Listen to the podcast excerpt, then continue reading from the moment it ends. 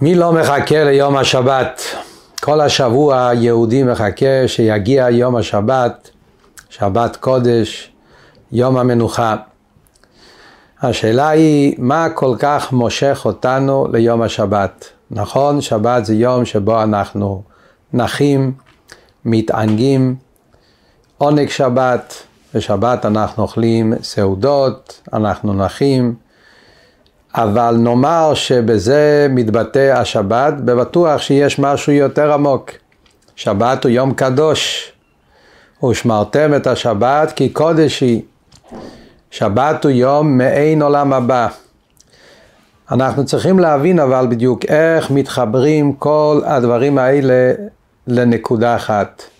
מצד אחד אנחנו מבינים ששבת הוא יום של קודש, יום של קדושה, ומצד שני, אה, בשבת, מה אנחנו עושים? אנחנו לא עובדים, אסור לעשות מלאכה בשבת, ואנחנו נחים בשבת, אה, גם כן אה, מתענגים בסעודות שבת. איך כל הדברים האלה מבטאים את הקדושה של השבת ואיך הם מתקשרים. דבר נוסף אנחנו יודעים שיש לכל אחד נשמה יתרה הגמרא במסכת ביצה אומרת שכל יהודי יש לו נשמה יתרה ביום השבת. מה בדיוק התפקיד של הנשמה היתרה הזאת? אומרים אה, המפרשים, רש"י אומר שזה רוחב לב לאכול ולשמוח. אז מה זאת אומרת? האם הפירוש הוא שהנשמה היתרה זה שאנחנו מקבלים תוספת כוחות כדי לאכול יותר טוב. לכאורה אה, נשמה אמור להיות משהו יותר עמוק.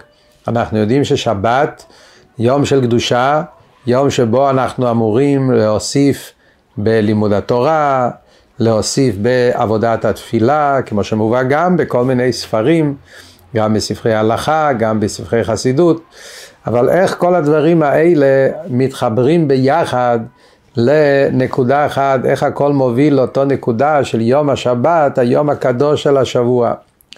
כשאנחנו מסתכלים בתורה, חוזרים למקורות ומתחילים להסתכל מה בדיוק כתוב בתורה בקשר ליום השבת.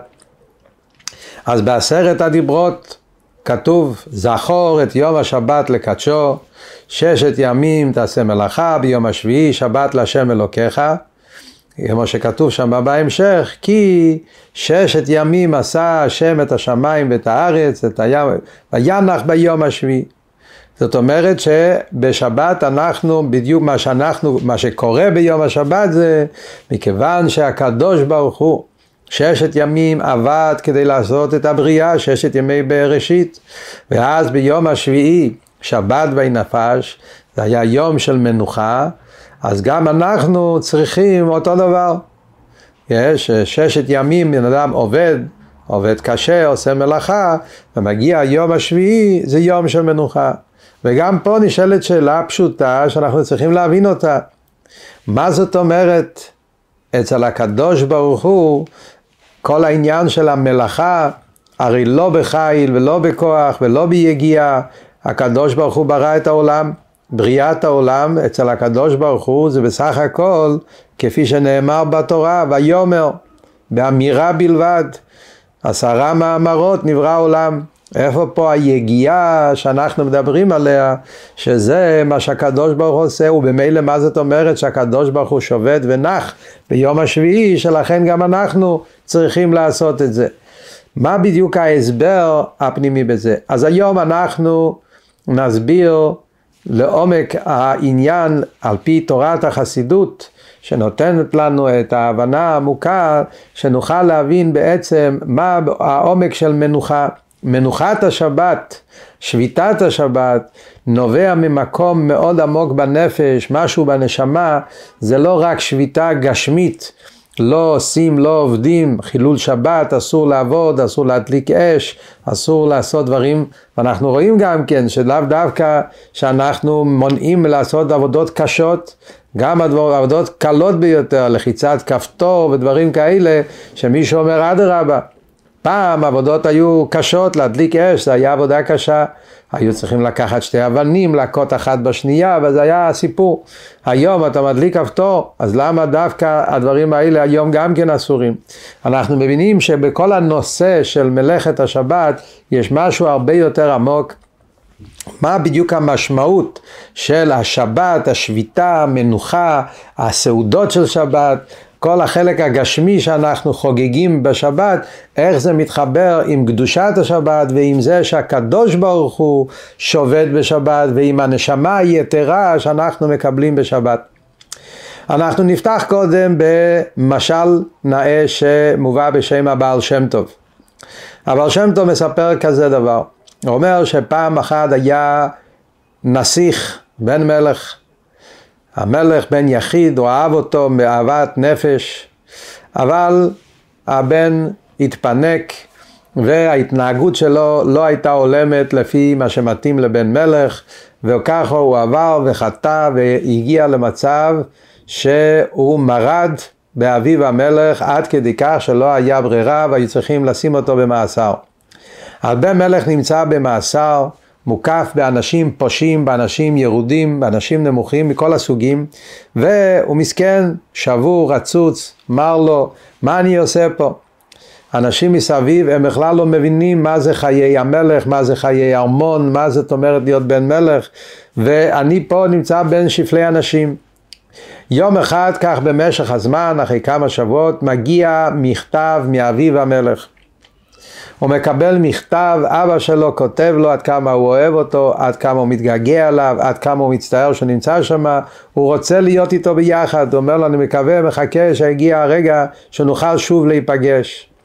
הבן מלך מקבל את המכתב והמכתב הזה של אהבה וגעגועים מעורר אצלו כמובן אהבה בכפליים אל אביו המלך רגשי חרטה, רגשי צער והוא רוצה לרקוד מרוב השמחה שהוא לא אחד מכל הפושעים והאנשים שיושבים פה במאסר, הוא בן מלך, הוא משהו אחר. בא לו לרקוד, אבל איך אני ארקוד? אנשים יסתכלו עליי כמו משוגע, ואז יתנפלו עליי, יעשו לי צער, יעשו לי עגמת נפש, מה אני עושה? לקח אותו איש, הוא הביא אה, בקבוק של יין שרף, בקבוק של וודקה שהאנשים במאסר תמיד אהבו, נתן להם לשתות ואז הם כמובן נכנסו לאווירה של ריקוד ושמחה והוא יחד איתם התחיל לרקוד וכמובן הם רקדו בגלל ששתו הוא רקד בגלל שיש לו מכתב מאביו המלך, שיש לו מלך, יש לו אבא, וזה היה הריקוד שלו. אומר הבעל שם טוב, בשבת זה מה שקורה ליהודי. יהודי נמצא בעולם הזה במאסר כביכול, בגוף, בנפש בהמית, ביצר הרע, מוקף בגשמיות וחומריות. הנשמה, חלק אלוקה ממעל ממש. הנשמה היא בן מלך. בנים אתם להשם אלוקיכם, כמו שנאמר בפרשת ראה. הנשמה רוצה להרגיש את המלך, אבל מה שקורה זה שמרוב השיקוע בחיי העולם הזה, בהבלי העולם הזה, אז אנחנו מוקפים במאסר של הגוף ונפש בהמית. מגיע יום השבת, אז יש מכתב של המלך, יש איזו התגלות אלוקית מיוחדת שקורה ביום השבת, ההתגלות הזאת היא הנשמה היתרה שנותנת ליהודי את ההרגשה, הנה הקדוש ברוך הוא מתקרב אליי, זה המכתב מהמלך שמעורר אצל הבן מלך את השמחה, את הגעגועים, את ההרגשה, הנה אני נמצא עם המלך, אני שונה, אני לא חלק מכל החומריות הזאת, וזה נותן לו את הרצון לרקוד. וזה בעצם הנקודה המהותית של שבת. אבל הגוף לא משתף פעולה. רוצים שגם הגוף יהיה חלק מהשמחה הזאת, אז נותנים לגוף מה שהגוף צריך, על ידי שמאכילים את הגוף, זה סעודות שבת, ולכן אומר הבעל שם טוב שבעצם הנקודה הפנימית בסעודות השבת זה הזמירות והניגונים והדברי תורה שמדברים על שולחן שבת, שיחד עם זה שנותנים גם לגוף כדי שהוא יהיה חלק מהשמחה, אז יהודי יכול בעצם להרגיש את הנקודה המהותית שזה שמחת הנפש, האהבה לקדוש ברוך הוא שפורצת ביום השבת. מה בעצם אבל המהות, הסבר העניין, זה משל יפה, הסבר נחמד, אבל איך אנחנו יכולים להבין את זה יותר בעומק, מה בדיוק קורה ביום השבת בקשר הזה של יהודי והקדוש ברוך הוא, בשונה מכל שאר ימי הבריאה. אז נבין את זה מתוך המשל של המלאכה מכיוון שהתורה מדמה, מדמה את זה, ששת יומים תעשה מלאכתך וביום השביעי תשבות, כי ששת ימים עשה השם את השמיים ואת הארץ, וביום השביעי שבת ונפש, אז בוא נתבונן במציאות הגשמית בחיי האדם, ומשם אנחנו נבין איך הדברים הם במהות הרוחנית של השבת. כשבן אדם עושה איזושהי מלאכה, בן אדם עובד, פועל, עושה, הוא בונה דברים, מייצר דברים. אז אנחנו רואים כשהאדם עובד, אז הכוחות הנפש, האדם הרי הוא מין המדבר, האדם הרי הוא נזר הבריאה. מדברים על האדם, האדם הוא הדבר הכי נעלה, הכי נפלא, הכי גדול שיש בעולם. כשבן אדם נמצא בעולם הזה ועוסק במלאכה, יש איזה סוג של השפלה, ירידה, מה שנקרא בלשון הקבלה צמצום, שהכוחות הנפש, שהם כוחות הנפש נעלים, כוחות הנפש של מין המדבר, השכל, הרגשות, החוכמה, הבינה, הדת, החסד, הגבורה, הרגשות והשכל של האדם, שהם רגשות נעלים, שכל גבוה, הוא שם את זה בדברים מצומצמים, בדברים נמוכים, הוא משקיע את זה בדברים גשמיים. אז יש פה איזשהו השפלה, ירידה והצטמצמות לדברים שהם בערך, לא בערך האדם, דברים שהם מסוג הדומם, אם הוא צריך לבנות בניין מאבנים, עפר ומים, דברים שקשורים עם סוג הדומם, או סוג הצומח, או סוג החי, ההתעסקות עם ענייני העולם, באכילה, ושתייה, בכל צורכי האדם, כסף, זהב, שהם כל מיני דברים שקשורים עם העולם הגשמי הגס. אז יש פה ירידה וצמצום. וכשאדם עסוק בירידה הזאת והצמצום הזה, אז זה המצב, זה איפה שהוא נמצא.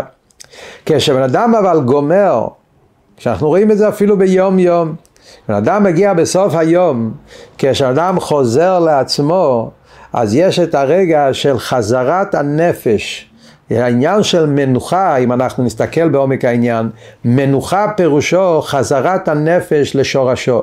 הכוחות הנפש שהם היו במצב של ירידה והשפלה בדברים נמוכים, חוזרים למקורם, חוזרים להתעלות למקום ה...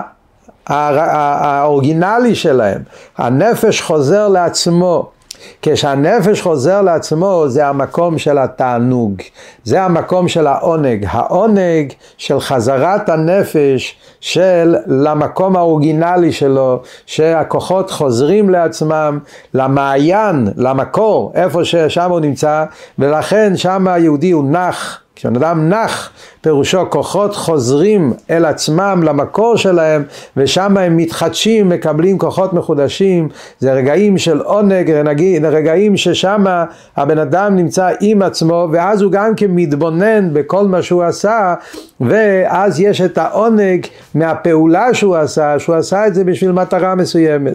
כל זמן שאני עסוק ואני רץ לעשות, לפעול וזה, אין לי זמן להתענג ממה שאני עושה. כשגמרתי את הפעילות, גמרתי את המלאכה מלאכה, בניתי, עשיתי, יצרתי, גמרתי, הרגע שהבן אדם גמר לעשות את היצירה שהוא עבד עליה כל כך קשה, ואז הכוחות הנפש חוזרים לעצמם, אז זה גם כן המצב, הרגע שהבן אדם יש לו מבט כללי, להסתכל על כל מה שהוא עשה, והוא רואה שכל מה שהוא עשה מתאים למטרה שבשביל זה הוא בעצם השקיע בכל זה. הרי בן אדם עושה דברים, יש לו מטרה, מטרה פנימית, רוחנית, איזושהי סיבה, למה אני עושה את כל מה שאני עושה. אז כשמגיע לרגע הזה של המנוחה, שאז הבן אדם יכול להסתכל על כל מה שהוא עשה ממקום יותר גבוה, ממקום יותר מרומם, זה מעורר אצל הנפש את העונג, העונג הנפלא כשהבן אדם, שזה בעצם משהו שיש רק לאדם, שהוא יכול לראות בדברים שהוא עושה, לא, לא רק דברים חומריים, גשמיים, טכניים, יש פה איזה משהו הרבה יותר מעבר לזה. אני לא סתם עושה, הדברים שאני עושה הם בשביל מטרה, מטרה נעלית יותר, מטרה גבוהה יותר, מטרה של, שזה בעצם מה שמעורר את התענוג. אז כשאנחנו חושבים על זה, ניקח את הדוגמה הזה כביכול גם כן כלפי מעלה בקשר לקדוש ברוך הוא. אז זה מה שבעצם אומר לנו התורה. בעשרה מאמרות נברא העולם. בריאת העולם נעשה על ידי כוח הדיבור. כמובן, הקדוש ברוך הוא לא מדברים על דיבור גשמי, לא שייך כביכול למעלה לדבר לא גוף ולא דמות הגוף, ובמילא לא שייך שם דיבור גשמי. כשאנחנו אומרים דיבור, אנחנו מתכוונים לצמצום. כמו שבן אדם כשהוא מדבר, הוא צריך להתלבש לזולת, אני צריך להסביר למישהו, אני צריך לרדת מהרמה שלי כדי להסביר למישהו שהוא לא מבין. יש פה איזשהו סוג של השפלה וירידה, הצטמצמות, לפי ערך התלמידים, לפי ערך מי שאני הולך למסור לו את המסר לדבר אליו. דיבור זה סוג של צמצום.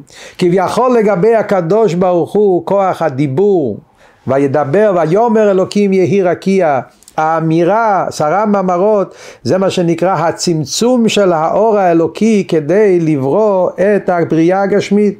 בכל יום הקדוש ברוך הוא ברא דבר מסוים. בריאת האור, בריאת הרקיע, בריאת המאורות, בריאת הצמחים, הבריאה של בעלי חיים, כל יום הקדוש ברוך הוא בורא, יוצר סוג של צמצום שהדברים יורדים לעולם הזה הגשמי. ולכן אם מסתכלים בחומש אנחנו נראה שבכל ששת ימי בראשית, מבראשית ברא אלוקים עד סוף בריאת העולם, כל ששת ימי בראשית, המילה, השם הקדוש שמופיע בתורה זה רק שם אלוקים. שם הקדוש י"ק ו"ק לא מופיע בהתחלת הבריאה. שם אלוקים אנחנו יודעים, אלוקים זה בגימטריה הטבע. אלוקים עם ה', כן? א', ל', ה', י', מ', המילה הזאת זה 86, כתוב בספרי קבלה שזה בגימטריה הטבע, זה האור האלוקי כמובן, שמלובש בטבע. טבע זה מלשון טובע בים, כשחפץ טובע בתוך הים, אתה רואה את המים, אתה לא רואה את החפץ. הכוח האלוקי טובע בתוך הבריאה, יש את האור האלוקי, ברא אלוקים, הקדוש ברוך הוא ברא את העולם, אבל הטבע מכסה, הטבע סוג של קליפה, לבוש, שמכסה על האור האלוקי, ואתה לא רואה מה יש בפנים. ואז מגיע יום השבת. יום השבת זה הפעם הראשונה שכתוב בראשי תיבות, עדיין לא כתוב באופן גלוי, אבל יש כבר ראשי תיבות. יום השישי ויחולו השמיים. כולנו מכירים קידוש, יום השישי ויחולו השמיים, ארבע מילים שהראשי תיבות שלהם זה י"ק ו"ק. שמה מתחיל כבר סוג של פריצה של הקליפה הזאת, של הלבוש הזה, הטבע, והשם הוויה, י"ק ו"ק, השם האור אינסוף, האור האלוקי שלמעלה מהטבע, מתחיל להתגלות בבריאה. ויכל אלוקים, ויכל אומר חסידות, ויכל זה נגמר, ויכל אלוקים. השם אלוקים נגמר, עכשיו האלוקים מתעלה, ויכל ויכולו, ויכולו זה גם מלשון כיליון, כלות הנפש, עלייה, רוממות, דבקות, שם אלוקים, הכוח האלוקי שנמצא בהטבע, מתעלה למדרגה, לבחינה יותר גבוהה, לבחינה של שם הוויה, י"ק ו"ק, שלמעלה מהטבע. זה ההתגלות המיוחדת של יום השבת. העולם מתעלה מבחינת הדיבור לבחינת המחשבה.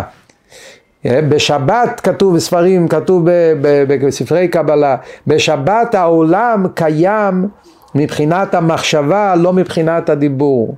כמו שאמרנו קודם, זה הכל משלים שאנחנו יכולים להבין את זה מנפש האדם. הדיבור זה לזולת. הדיבור זה למישהו מחוץ ממני, הדיבור נותן מקום למישהו אחר, מחשבה זה אני עם עצמי, שם לא נמצא אף אחד. כביכול אם אנחנו נסביר את זה באור האלוקי, עולם הדיבור של הקדוש ברוך הוא, זה הצמצום של האור האלוקי שעושה שהבריאה נרגשת כמו מציאות נפרדת. זה מה שקורה כל השבוע. העולם כביכול במשך ימי השבוע נרגש בתור מציאות נפרדת.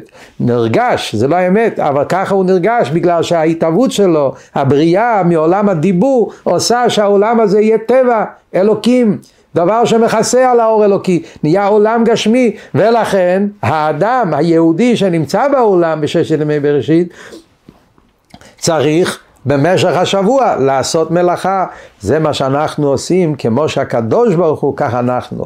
מכיוון שבמשך כל השבוע הקדוש ברוך הוא כביכול מצטמצם כדי לברוא את הטבע, כדי לברוא את העולם, כדי להשפיע חיות בבריאה ממקום של דיבור, צמצום, אלוקים, גם היהודי מצטמצם, יורד ולוקח את הכוחות שלו ומשקיע את זה בפרנסה, בעבודה, במלאכה, בכל מה שאנחנו עושים במשך ימות החול. מגיע יום השבת, העולמות, העולם מתעלה למקום יותר גבוה. העולם עולה מהדיבור למחשבה, ויכל אלוקים, כי ששת ימים עשה השם את השמיים ואורץ בהם השביעי שבת. מה פירוש שבת? הקדוש ברוך הוא שובת מהצמצומים, שבת מהאלוקים מהצמצומים, הוא מתעלה למקום של מנוחה, ושם מתגלה העונג. הגדול שיש לקדוש ברוך הוא מכל הבריאה. וירא אלוקים את כל אשר עשה והנה טוב מאוד ויחו לשמיים וירא ויבוקר יום השישי ויחו לשמיים זה הפסוק אומר כשהגיע הסוף סוף יום השישי, נגמר כל השבוע והקדוש ברוך הוא מסתכל על הבריאה הנפלאה שהוא ברא בששת ימי בראשית. ואז והנה טוב מאוד התענוג שיש לקדוש ברוך הוא מזה שהבריאה משלימה את המטרה שלה שהבריאה הופכת להיות למקום שבו האור אלוקי יכול להתגלות על ידי שיהודי מקיים בו תורה ומצוות. אז העונג הגדול שיש לקדוש ברוך הוא פועל את ההתרוממות את ההתגלות של שם הוויה, י"ק ו"ק, יום השישי ויחול השמיים, ואז מגיע היום של המנוחה והעונג. אז אם ככה, מנוחה, מה הפירוש הפנימי והעמוק של המנוחה? המנוחה זה ההפך מהצמצום.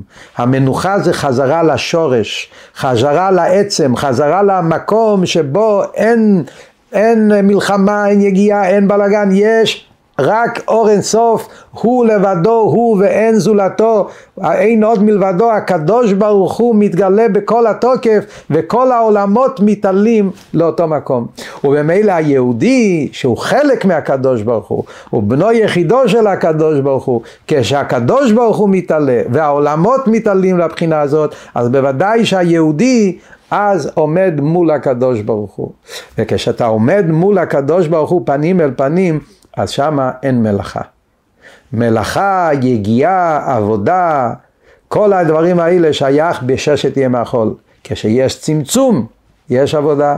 כשהעולם חוזר ואתה עומד מול מלך מלכי המלכים הקדוש ברוך הוא, כשאדם עומד לפני המלך, אז הוא לא עושה מלאכה. כשהבן אדם נמצא במדינה של המלך, מחוץ לבית המלך, מחוץ להיכל המלך, נמצא ב, ב, ב, בכל מקום חוץ מהיכל המלך, במדינה, אז הבן אדם הוא עושה בשביל המלך, הוא עבד מלך. אבל מה? הוא פועל, הוא עושה, הוא בונה, הוא מטפח, הוא עושה שתהיה מדינה נפלאה, מדינה יפה, שתתאים לרצון המלך. אבל כשמגיע הרגע והאדם עומד פנים אל פנים מול המלך, כשאתה עומד מול המלך אתה לא מזיז אצבע. כמו שכתוב בגמרא. בן אדם עומד פנים אל פנים מול המלך, זה רגע של התבטלות. וזה מה שקורה ביום השבת, שאז יהודי מתעלה לבחינה של מחשבה, לבחינה של דבקות, לקשר הפנימי של יהודי מול הקדוש ברוך הוא פנים אל פנים, וזה יום של מנוחה, יום שלא עושים מלאכה, להפך, יום של דבקות בקדוש ברוך הוא. על פי מה שהסברנו עכשיו, אנחנו נבין באופן נפלא מדרש, יש מדרש, מדרש רבה בפרשת בראשית, אומר המדרש משל, סיפור מרבי עקיבא. כולם יודעים שרבי עקיבא היה מתווכח עם אחד מהפילוסופים הגדולים בזמנו, קראו לו טונוס רופוס. הוא היה שונא ישראל, אבל היה אוהב להתווכח עם רבי עקיבא. אחד מהוויכוחים שהיה ביניהם זה היה בקשר ליום השבת. ו... הגוי הזה שאל את רבי עקיבא, אני לא מבין. אתם אומרים שאתם שופטים בשבת כי השם שבת בו, השם נח בשבת, הנה הוא לא נח בשבת. יש גשם, יש צמיחה, בעולם, העולם, הקדוש ברוך הוא ממשיך להנהיג אותו באותו צורה כמו כל השבוע. איפה פה העניין של מנוחת השבת? אמר לו רבי עקיבא, אני אמשל לך משל. בן אדם אסור לו לטלטל מרשות היחיד לרשות הרבים. מהבית אסור לטלטל לרחוב. אבל אם זה הכל חלק מבית אחד, מתי בתוך הבית אפשר לטלטל? אסור לטלטל מבית לבית בחצרות, שיש כמה וכמה בתים בחצרות, צריך לעשות עירוב חצרות, אם לא אסור לטלטל מבית לבית. אבל אם הכל זה בית אחד עם בעל הבית אחד, אין שום בעיה, זה שייך לבן אדם אחד. אומר לו רבי עקיבא, כל העולם של הקדוש ברוך הוא, זה הכל רשות היחיד, אז אנחנו לא עושים שום מלאכה. וכאן נשאלת שאלה פשוטה, כל המפרשים שואלים. כולנו יודעים שבשבת ישנם 39 מלאכות. מלאכת הוצאה מרשות לרשות זה רק מלאכה אחת. אז מה הוא עונה לו? הוא רק הסביר לו על מלאכת ההוצאה מרשות לרשות, ששם אין שתי רשויות, כי הכל זה רשות אחת, אין הוצאה. אבל מה עם זריעה? מה עם שריפה, הדלקת אש? מה עם כל ה-38 מלאכות האחרות, אין להם שום קשר עם זה, איפה הוא ענה לו את התשובה על השאלה הזאת? מזה שהוא ענה לו על אחד מהמלאכות עדיין הוא לא הסביר לו כלום, בינתיים יש כל מיני דברים שקורים בעולם. אבל מה הפירוש? במהות העניין יש פה משהו נפלא שרבי עקיבא מסביר לטונוס רופוס. מה שהוא מסביר לו זה היסוד של השבת. היסוד של השבת ביחס לימות החול, כמו שאמרנו קודם. בימות החול יש רשות היחיד ויש רשות הרבים. יש את הקדוש ברוך הוא שהוא יחידו של עולם, ויש את הרשות הרבים, העולם הגדול, שמלא בריבוי, עולם של דיבור, עולם של ריבוי, ריבוי נבראים, ויהודי נמצא ברשות הרבים, ואז יש לו מלאכות. המלאכות זה יצירות שאנחנו עושים בתוך העולם. כל מלאכה בעצם במהותה היא סוג של הוצאה מרשות לרשות. כל מלאכה שאנחנו עושים, אנחנו מוציאים דברים ומפתחים אותם. מלאכות, אם תסתכל על כל מלאכה ומלאכה, מלאכה זה סוג של לפתח משהו, אם זה זריעה, צמיחה, בנייה, דליקה, אתה לוקח משהו שהיה נעלם בתוך הטבע ועשית את זה, הדלקת אש, זרעת, יצרת, קצרת, עשית איזושהי פעילות של יצירה, הוצאה מרשות לרשות, מרשות היחיד לרשות הרבים, הופכים את זה לרשות הרבים, לעולם, זה התפקיד שלנו, לבנות את העולם במשך השבוע. כשמגיע השבת, אנחנו נמצאים כולנו ברשות היחיד, לכן בשבת אין מלאכה. כל העולם מתעלה לרשות היחיד, כל העולם מתעלה למקום שיש רק אחד יחידו של עולם, יהודי לא עושה מלאכה. מכיוון שאצל הקדוש ברוך הוא אין מצב של יציאה מרשות לרשות, כי הכל, הבריאה זה חלק מרשות היחיד, ואדרבה בשבת העולמות הרי נמצאים, לא שהם לא נמצאים, הם נמצאים בתוך מחשבתו של הקדוש ברוך הוא, במדרגה של מחשבה, חלק מאחדותו, דבר אחד איתו, אז בעצם אין פה שום יציאה מרשות לרשות, אז גם כן המלאכות הן לא מלאכות, הן חלק מאחדותו של הקדוש ברוך הוא, וזה העניין של יום השבת. ובמילא מה שיוצא מזה, כשמגיע יום השבת, זה הפירוש שאומרים שיש נשמה יתרה ליהודי בשבת. הנשמה היתרה זה משהו חדש, משהו נפלא שקורה ליהודי בשבת. מתעורר קשר חדש, סוג חדש של קשר של יהודי עם הקדוש ברוך הוא. כל השבוע יהודי הוא עבד השם. אבל הוא נמצא במדינת המלך. זה זמן של עבודה, זה זמן של עשייה, זה זמן של התפתחות, זמן של פעילות. עבד מלך שנמצא במדינת המלך ועושה שהמדינה תהיה כמו שצריך. מרשות לרשות צריך לבנות, צריך לעשות, צריך לעשות מהעולם דירה להשם. יום השבת זה היום שהבן מלך נמצא בתוך בית המלך, פנים אל פנים עם הקדוש ברוך הוא.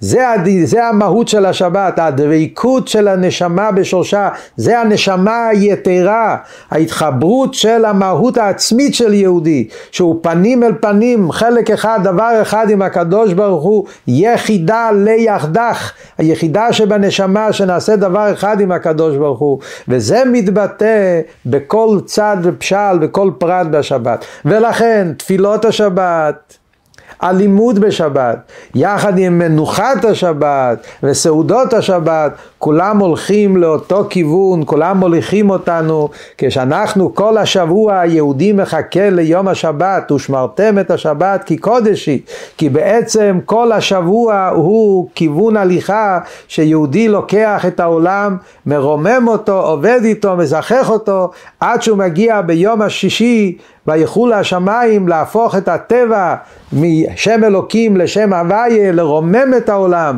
לרומם את עצמנו יחד עם העולם, ולעשות שכל העולם יהפוך להיות לרשות היחיד, ליחידו של עולם, דבר אחד עם הקדוש ברוך הוא, ואת זה אנחנו מבטאים בכל רגע ורגע של העבודה של יהודי ביום השבת. וזה מה שאנחנו אומרים שיום השבת הוא שבת ומנוחה לחיי עולמים. כל שבת הערה מהיום הגדול של מעין עולם הבא שביאת משיח צדקנו אלף השביעי. מה יהיה כשמשיח יבוא? מה יהיה אלף השביעי? אלף השביעי שאנחנו כולנו מחכים ביאת משיח צדקנו אז יהיה ההתגלות האלוקית בעולם שכל העולם יהפוך להיות לרשות היחיד שיהיה השם למלך על כל הארץ ביום ההוא יהיה השם אחד ושמו אחד ההתגלות האלוקית של של ונגלה כבוד השם וראו כל בשר כי פי השם דיבר שכולנו נראה את האור אינסוף באופן גלוי בתוך המציאות של הבריאה כל שבת זה מעין עולם הבא. ועכשיו אנחנו נבין איך המנוחה של השבת, התפילות של השבת, הלא, הלא, הלא, הלא, לא לעשות מלאכה בשבת, הסעודות השבת, בעצם כולם הם נקודה מהותית אחת של דבקות והתאחדות של יהודים הקדוש ברוך הוא כי אות היא ביני וביניכם שזה בעצם הנקודה המהותית של שבת שנזכה כבר לשבת ומנוחה לחיי עולמים במהרה בימינו אמן